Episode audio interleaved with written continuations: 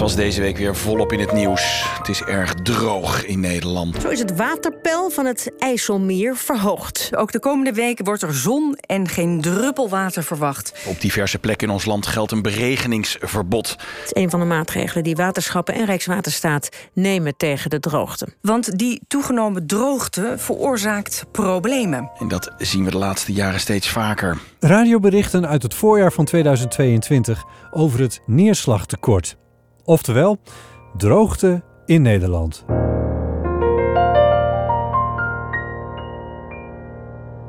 Welkom bij de podcast van Rijkswaterstaat. Mijn naam is Botte Jellema. We hebben in Nederland een paar opvallende zomers achter de rug. 2018 met een van de droogste jaren ooit.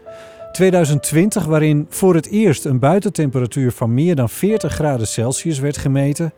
En 2021 waarin een rampzalige hoeveelheid regen viel in korte tijd in het zuiden en vlak over onze grenzen. En dit jaar, 2022, begon omineus.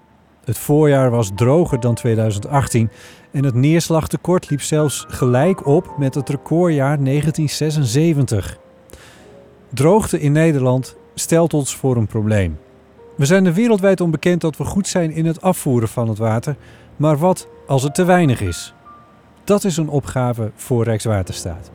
In deze aflevering ontmoet ik waterexpert Vincent Bijk van Rijkswaterstaat. Ik ben uh, adviseur watermanagement, waterverdeling. Dus ik hou me bezig met vraagstukken rondom uh, nou, inderdaad de waterverdeling, met name uh, tijdens droogte, en laag water. We hebben afgesproken bij de Prinses Irenesluis in Wijk bij Duurstede, die in 2018 een belangrijke rol speelde in de droge zomer. Daarover straks meer. Wat komt er bij kijken als we water vast willen houden? Is onze infrastructuur van kanalen en bij rivieren ingericht op watertekorten? En wat kunnen we in de toekomst verwachten? Vincent denkt hier dagelijks over na. Hij is lid van de Landelijke Coördinatiecommissie Waterverdeling en schrijft erover op de site van Rijkswaterstaat. Even, even iets tussendoor.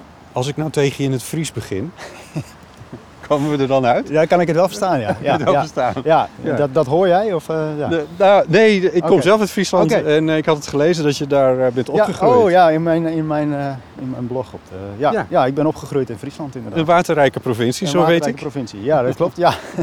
ja. Is, daar, is daar de interesse voor waterbeheer ook ontstaan?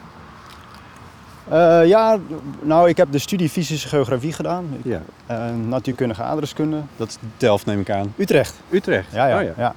Hier vlakbij. Uh, ja, en um, ik was altijd al geïnteresseerd in adreskunde en processen op de aarde en hoe dat werkt. Ja. Dus zo kwam ik op die studie fysische geografie terecht. Ja. afgestudeerd in kust- en rivierbeheer. Ja, en dan een, uh, een van de grote werkgevers uh, in Nederland is natuurlijk Rijkswaterstaat. Dus daar ben ik... Uh...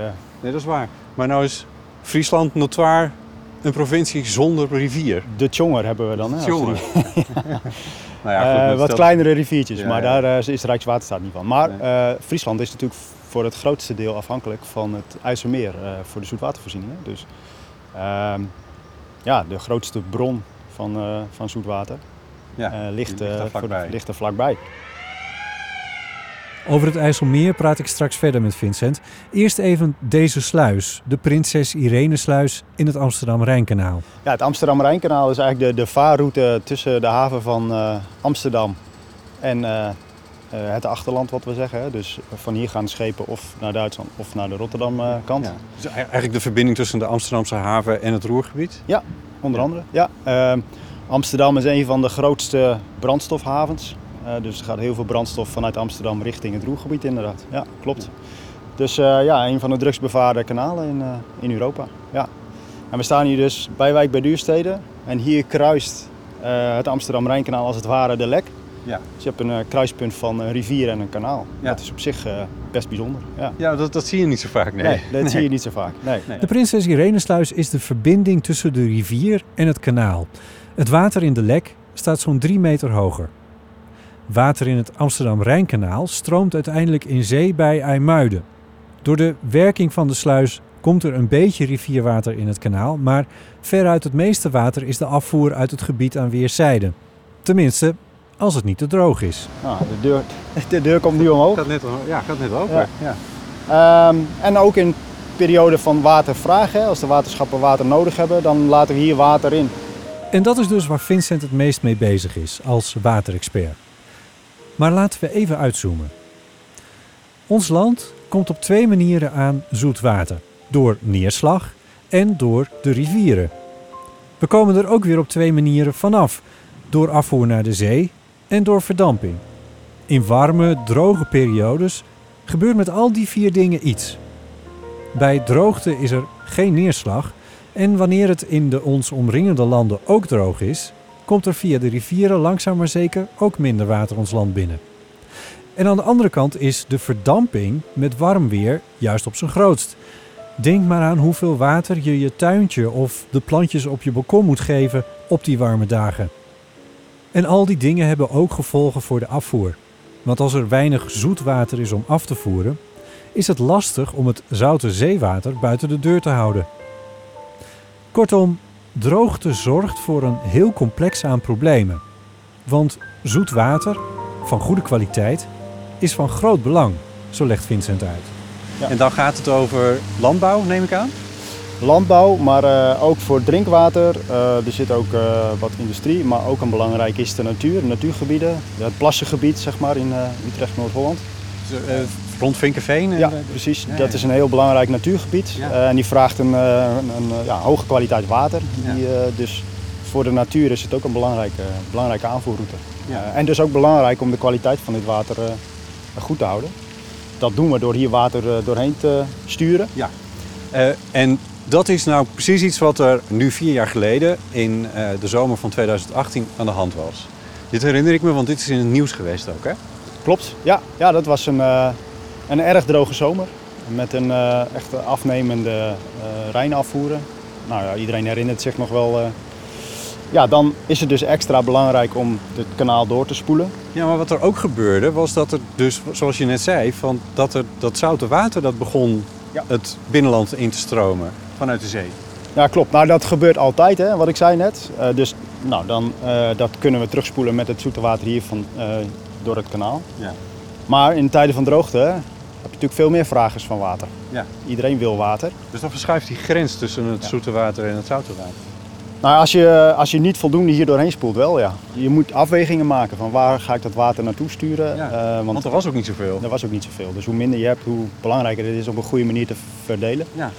Uh, Want als je alles naar Vinkenveen stuurt, dan zitten ze in de biesboswiet te zeuren. Uh, bijvoorbeeld, ja. Ja. ja. ja. Dit is een van de lastigste zaken bij droogte. Hoe verdeel je het binnenkomende en ook al schaarse rivierwater voor al die functies? Landbouw, natuur, drinkwater, het diepgang voor de scheepvaart en ook nog het zoute water buiten houden. Dat zijn het soort momenten waarop de Landelijke Coördinatiecommissie Waterverdeling in actie komt. Vincent zit namens Rijkswaterstaat in die crisisadviesgroep waar ook waterschappen, drinkwaterbedrijven en provincies in zitten. Ja, en op het moment dat er een schaarste is in de wateraanvoer, uh, gaan we met die uh, groep kijken hoe kunnen we het op de beste manier ja. verdelen. Uh, en daarvoor hebben we wel handvaten hoor, die in de wet zijn vastgelegd. De zogenaamde verdringingsreeks zoals we die noemen. Dus daar is wel in vastgelegd wie komt, welke functie komt eerst um, en welke dan.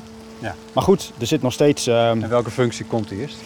Het belangrijkste is het waarborgen van de veiligheid. Uh, en dat klinkt misschien een beetje gek, maar in 2003, vorige droge periode, is er ook een, een veendijk bij Wilnis ja, doorgebroken. Ja. Ja. En dat kwam eigenlijk omdat die dijk, dat is een veendijk.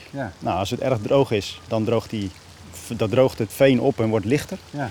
En dus kan die, die dijk bezwijken. Nou, dat is gebeurd ook. Dat is hier gebeurd. Ja, dus het is heel belangrijk dat we dat voorkomen. Dus dat, nou, dat is de eerste, de hoogste prioriteit om dat te voorkomen en daar water uh, voor te gebruiken. Ja.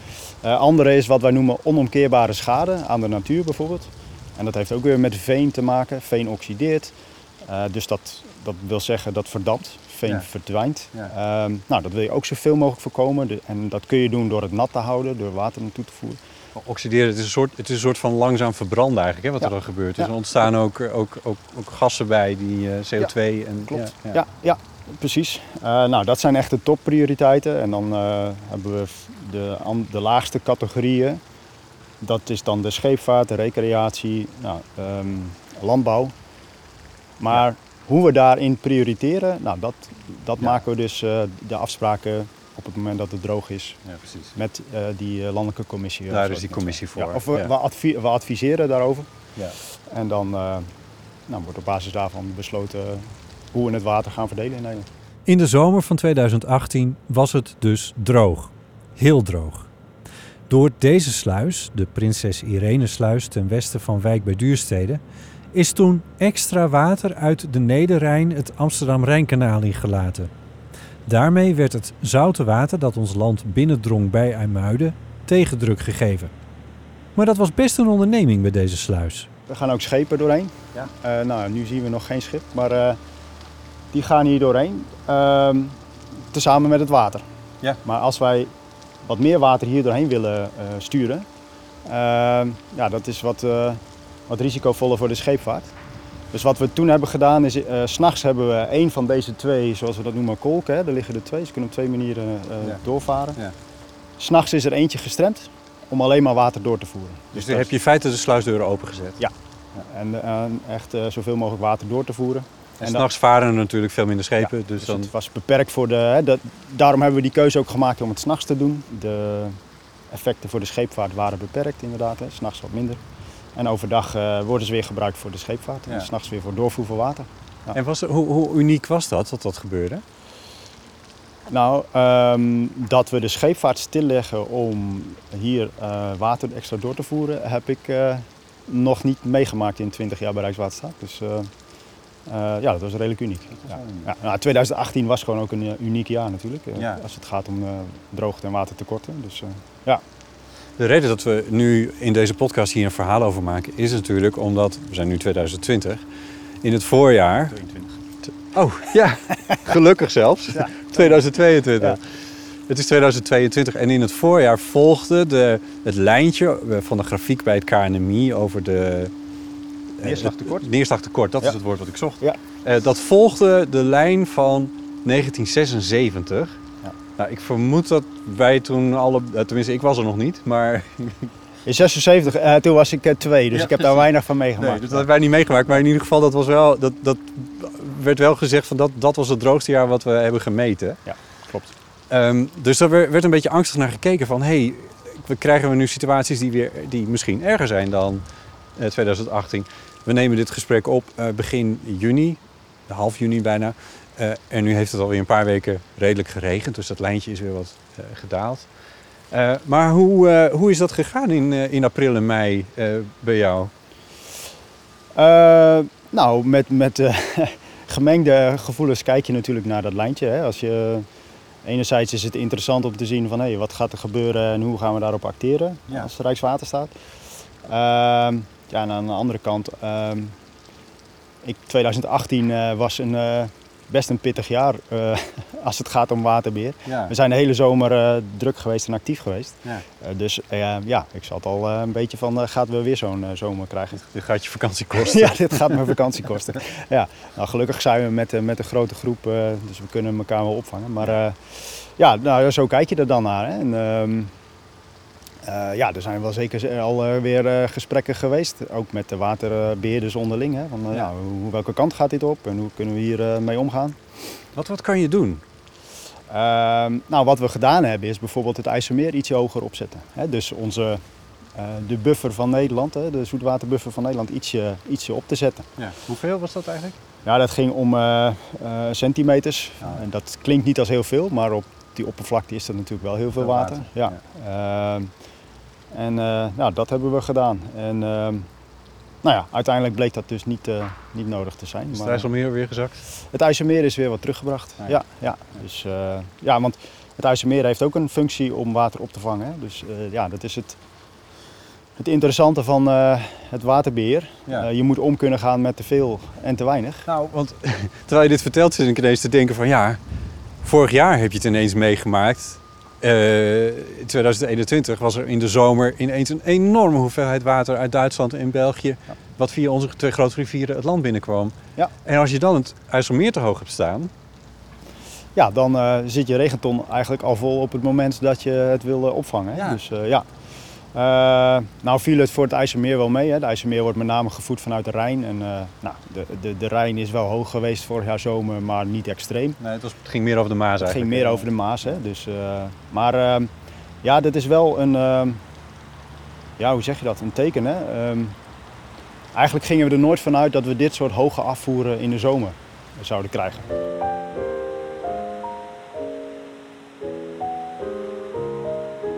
We hebben te maken met extremer weer door klimaatverandering. En de hevige regenval in juli 2021 in Limburg en in Duitsland en in België was daar een voorbeeld van. Het was een uitzonderlijke gebeurtenis die grote maatschappelijke gevolgen had. Deze extremen zijn een grote uitdaging voor Vincent en zijn collega's. Van oudsher verdelen we het in een hoogwaterseizoen en een laagwaterseizoen. Maar wat we nu wel uh, nou ja, vorig jaar hebben gezien, uh, en eigenlijk de afgelopen vier jaar hè, met hoge afvoer op de Maas, veel neerslag in de zomer in 2021, 2018 enorm droog, 2019 ook. Dat dat niet meer zo met een schaartje is te knippen van nee. we hebben een laagwaterseizoen en we hebben een hoogwaterseizoen. Ja. Tekenend daarvoor vond ik dat je boeren had die in de uiterwaarden gewassen aan het optreden waren vorig jaar. En die ineens de uiterwaarden vol zagen stromen en een deel van hun oogst verloren zagen gaan. Ja, ja. ja precies. Uh, dat, is, dat is ook uniek. En de, waarom doen we dat in de uiterwaarden? Omdat we er vanuit gaan in de zomer uh, komt daar geen water in. Nee, precies. En uh, ja, dat wordt nu wel, uh, nou, werd nu wel duidelijk dat het dus ook anders kan gaan. Hè? Ja. En uh, ja, de vraag is, hoe gaat dit in de toekomst, als we kijken naar klimaatveranderingen, wordt dit iets wat, wat vaker voor gaat komen of niet? Nou, ik geloof dat de, de, consensus daarover is dat het ja is. Ja, als je kijkt naar de laatste KNMI-scenario's en het de, de IPCC-rapport wat er ligt, ja, ja, dan kun je er wel van uitgaan dat um, de extreme worden extremer, zoals ze dat zeggen. Dus het wordt natter en het wordt droger. Uh, en ze kunnen elkaar sneller opvolgen. Um, het gaat sneller, het gaat rapper. Het is dus precies wat we vorige zomer hebben gezien. Ineens een enorme bel water. Ja, precies. Ja. En uh, dat is natuurlijk de uitdaging voor het waterbeheer. Hè? Van, ja. uh, hoe met de krappe marges die we hebben, um, hoe creëer je toch ruimte om die te veel en te ja. weinig op te vangen? Nou, zeg het maar. Ja, goed. jouw werk. Nou, daar zijn we dus hard over aan het nadenken hoe je dat kunt. En dat is natuurlijk in Nederland um, sowieso een groot vraagstuk. Want de ruimte in Nederland is beperkt. We hebben ook nog een woningbouwopgave. Um, vraagt allemaal ruimte.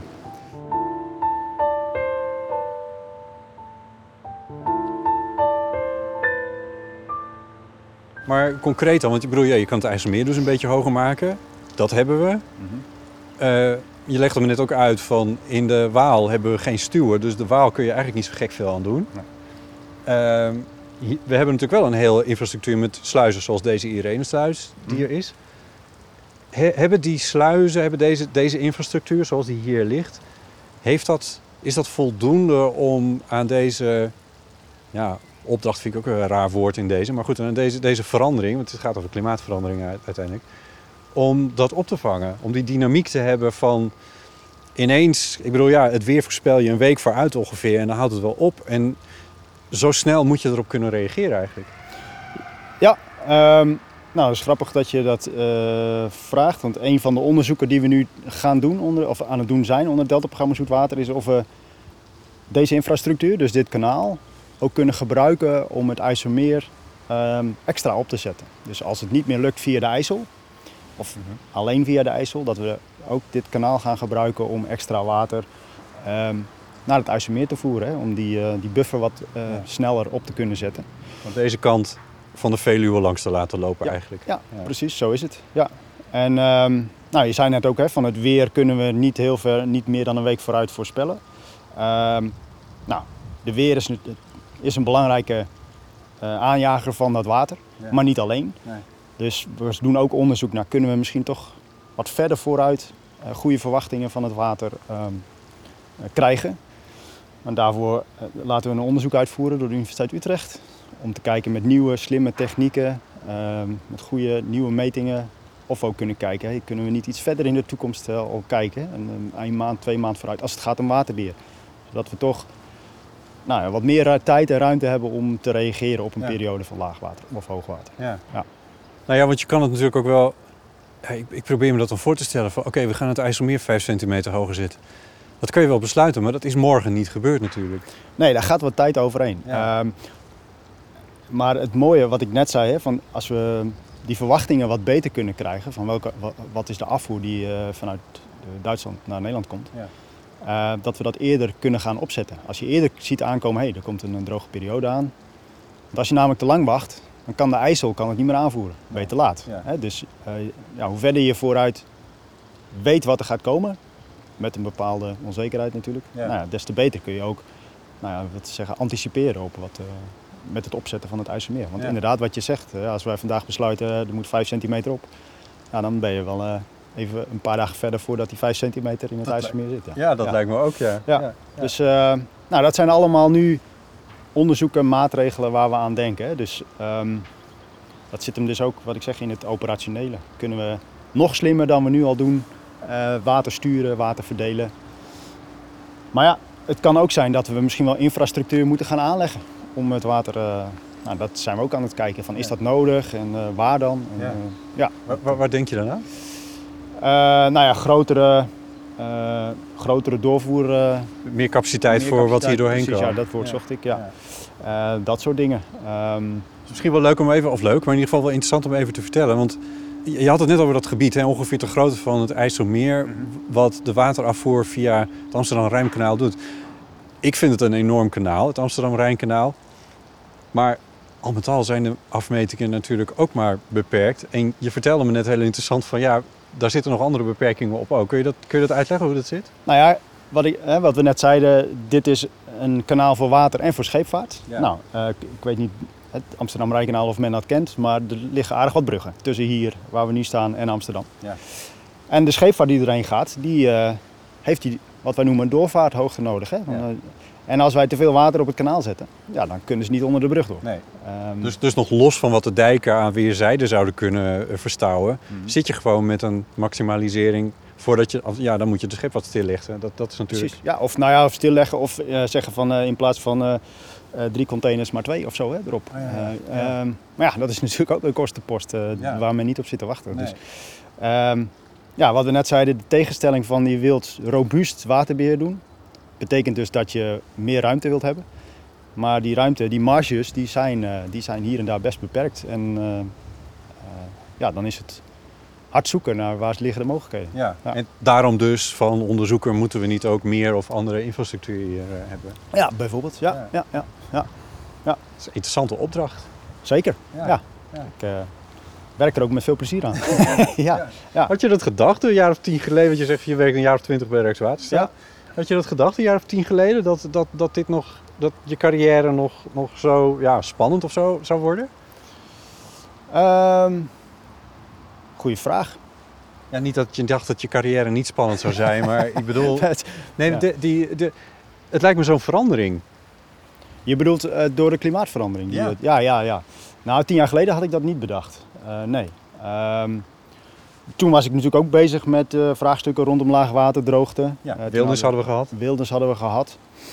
Uh, maar dat leek toen iets van, ja, één keer in de, in de 20 jaar heb je daar een keer last mee. Of, of nog minder vaak. Ja, ja. Maar de jaren 18, 19, 2020 in het voorjaar was ook droog. 2021 het hoogwater. Um, ja, dat had ik tien jaar geleden niet gedacht dat het zo snel zou kunnen zijn. Ja. En zo snel elkaar ja. kunnen opvolgen. Dus ja, is wel een, uh, een eye-opener geweest. Ja. Ja, ja. En hoe zie je de toekomst wat dat betreft? Laten we even slim, simpel beginnen nu met uh, 2022, dit Mhm. jaar. Mm -hmm. uh, het, het, lijkt erop dat het, het, het, neerslagtekort weer een beetje op de normale niveaus uitkomt. Wat, ik zie je al een beetje knikken met je hoofd. Nou, ja, weet je, dat neerslagtekort wat je zegt, hè, dat, uh, nou, het, het, het, zit nu net onder het lijntje van de 5% droogste jaren. Het was natuurlijk heel extreem. Er is veel neerslag gevallen, maar dat wil niet zeggen dat dat, dat tekort wat we hadden meteen is opgelost. Ja. Normaal gesproken hebben we in Nederland sowieso in de zomer een neerslagtekort. In de zomer hebben we altijd meer verdamping dan neerslag. Hè. Dat, is, dat is neerslag en verdamping, dat is eigenlijk wat we noemen het neerslagtekort. Hè. Dus meer verdamping dan neerslag is het neerslagtekort. Ja. Dat is een maat, een maat voor droogte.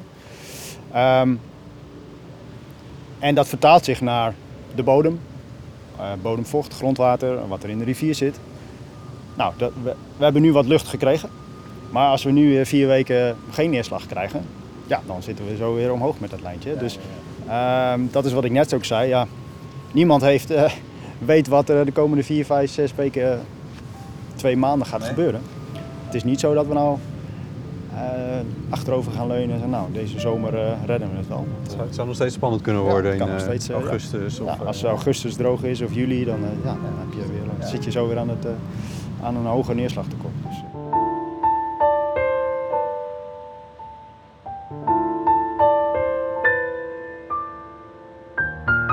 Het kan dus best zijn dat de veranderingen vragen om nieuwe infrastructuur. Een ander soort sluizen waar je water door kan laten zonder dat je de scheepvaart hoeft te stremmen. Of misschien wel hele nieuwe kanalen. Maar dat is in Nederland. Vincent kijkt ook over de grenzen. want de Rijn begint natuurlijk niet bij hè? die begint in de Alpen. Ja. Uh, en daar zit eigenlijk uh, in de gletsjers en de sneeuw wat daar ligt, nou, dat is de grootste regenton, daar zit de voorraad. Ja. Je komt er net vandaan, toch? Ja, ik kom er net vandaan, dat klopt ja. Ik ben vorige week uh, in Zwitserland geweest om nou, ook een samenwerkingsproject, onderzoeksproject met collega's uit Zwitserland en uit Duitsland.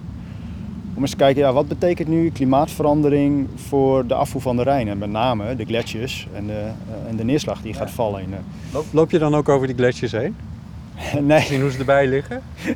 Nee, niet, uh, niet vorige week. Nee. wel, wel hobbymatig, maar uh, oh, ja. dat is dan mijn eigen vakantie. Oh, maar uh, ja, nee, um, vorige week zaten we helaas in een, in een hotel en wel in een mooie omgeving in Zwitserland, maar niet bij de gletsjers. Meer boven beeldschermen en, en papieren dan precies, boven sneeuw en ijs. Ja, ja, precies. En elkaar via presentaties wat wijzer maken. Ja. Maar goed, wat, wat, wat wel nou ja, interessant en misschien ook wel spannend gaat zijn, ja. is dat komende eeuw men verwacht dat de gletsjers in de, in de Zwitserse Alpen en de Oostenrijkse Alpen, dat die gaan verdwijnen.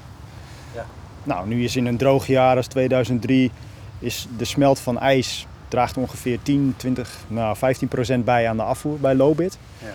Maar nog belangrijker is dat, uh, we hadden het net over neerslag uh, en die extreme die extreme worden. Ja. Maar de temperatuur die omhoog gaat, betekent ook dat er de neerslag die gaat vallen in de winter, uh, die gaat niet vallen als sneeuw in de Alpen en in Duitsland, ja. maar als, als regen. Uh, nou, die sneeuw zorgt gedurende de zomer voor een langzame nou, een stroom van smeltwater. Hè? Dus een ja. soort basisniveau van de Rijn. Ja. En als dat gaat verdwijnen, dat betekent dus dat we die neerslag die in de winter blijft vallen. Dat is wat de klimaatverandering ook, de scenario's ook zeggen. Mm -hmm. Meer neerslag in de winter, maar het valt als regen. Wat betekent dat? Het stroomt meteen af, onze kant op. Hè? Dus in de winter de toename van die afvoeren. Maar geen voorraad meer in de zomer. Nee. Want ja, je hebt geen sneeuw en ijs meer. Dus het kan ook betekenen dat die uh, afvoeren in de zomer uh, lager gaan worden dan we, dan we nu uh, kennen. Omdat we altijd zo'n basisafvoer van het sneeuw en het ijs nog hebben. Ja. Ehm, nou, dat is wel een van de uitkomsten uit, uit dat onderzoek. Als ik het nou even samenvat, kijken of ik het goed begrijp. Ja. Dus wat je dan zou kunnen krijgen is dat in de winter het water wat normaal gesproken al afgevoerd wordt, maar dat je daar nog bij krijgt wat normaal gesproken in de zomer zou verdwijnen, omdat die buffer van de gletsjer er niet meer is. Ja. Hoe, ziet, hoe ziet dan over, als dat, als dat aan de hand is, het gaat over 100 jaar, hè, heb je het over? Ja, ja. ja. Hoe ziet deze sluizen dan uit in de zomer? Ja, de vraag is of hier dan nog een sluis uh, ligt. Hè? Uh, Kijken we dan op een bak beton die, uh, die droog staat? Die droog staat, ja. Goeie vraag. Dat weet ik niet. Um, kijk, we zijn natuurlijk hard aan het nadenken over hoe kunnen we toch dat water vasthouden in de winter.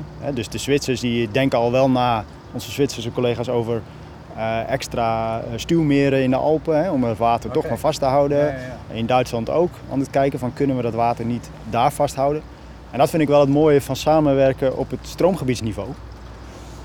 Want we hoeven niet te zoeken naar oplossingen in Nederland zelf, met de beperkte ruimte die we hier hebben. Maar misschien bovenstrooms kunnen we in gezamenlijkheid ook maatregelen nemen, gezamenlijk, waardoor we allemaal profijt van hebben. En kijk, Zwitserland, nou, er komt er net één langs, maar Zwitserland en Duitsland zijn natuurlijk ook afhankelijk van de Rijn als vaarweg voor een brandstof. Het roergebied uh, ja, is ja. erg afhankelijk van de scheepvaart. Ja, uh, vaart dus, net een schip binnen inderdaad. Ja, Dus um, ja, nou, zo kun je dus naar win-win situaties zoeken op wat wij dan noemen het stroomgebiedsniveau. Hè? Dus van, niet alleen binnen het eigen land, maar over de hele rivier heen. Ja. En, uh, dat is nou, ook wat zeg. Dan moet je dus een soort van enorme stuwmeren creëren om... Uh...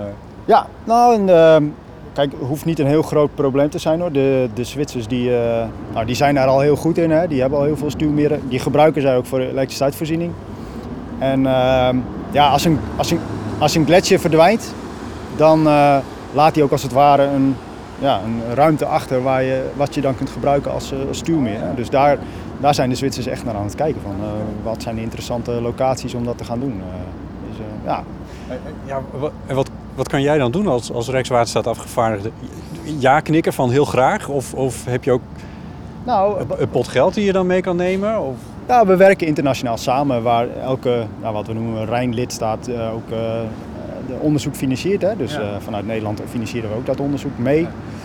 en ik heb vurig verteld over de vraagstukken die we hier in Nederland hebben als het gaat om zoetwater. Kijk, wij hebben te maken, wat we net zeiden, met die verzilting, die zoutindringing vanuit zee bij laagwater. Ja kennen ze daar natuurlijk helemaal niet. Maar ze vinden het wel heel erg interessant om te horen van hé, hey, maar oké. En wat we hier ook hebben is nou, natuurlijk... Interessant, maar kan het ook wat schelen? nou, dat, uh, ja, dat denk ik wel. Um, nou, wat ik net die, scheep, die scheepvaart is voor hen natuurlijk ook van belang. Ja, precies wat ik net zei inderdaad. Hè. Het is een belangrijke scheepvaartroute ook naar Zwitserland. En uh, nou, ik heb nog geen berichten gehoord van uh, dat ze het niet interesseerden. Dus, nee, precies. maar goed, Weet je, ja, je zit als Nederland wel, uh, hoe noem je dat? End of pipe, hè? Dus je zit wel uh, onderaan, uh, ja. onderaan de rivier. Maar, ehm, dat is waar. Ondertussen zijn we niet de enige delta in de wereld. Nee, dat klopt. Dus, um, maar we zijn niet de enige delta in de wereld. Maar de manier waarop we hier die delta aan het onderhouden zijn en beheren zijn, is wel vrij uniek. Ja. Um, dus ja, we werken wel samen met, met andere, andere landen verder weg, met name in Amerika. Ja, waar we dat ook, maar dan is het toch vaak meer op het hoogwaterveiligheid. Het, het laagwatervraagstuk um, is, is redelijk. Nou, het is niet uniek voor Nederland natuurlijk, maar wel dat we er al heel veel over aan het nadenken zijn. Van oké, okay, naast het hoogwater wat we aanzien komen vanwege klimaatverandering, ja, het watervraagstuk, tekort, is ook belangrijk. Ja. Dat is spannend ook. Ja, ja. zeker. Dat heeft je werk ook veel internationaler gemaakt natuurlijk. Ja, klopt. Ja. En uh, ik denk dat dat nog steeds belangrijker gaat worden in de toekomst. Ja. Dat, uh, dat, je niet meer moet kijken naar uh, het stukje rivier in je eigen land, maar kijken naar het rivier als één systeem. Nou goed, als fysisch geograaf kan ik dat natuurlijk alleen maar, alleen maar toejuichen. Ja, Hè? kijken Grotere naar, plaatjes. Kijken naar het systeem en niet alleen naar de landsgrenzen. Dus ja, gaat, uh, gaat zeker belangrijk worden. Ja.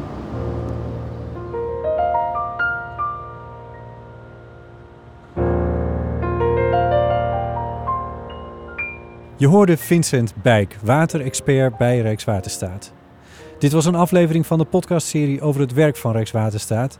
Bedankt voor het luisteren.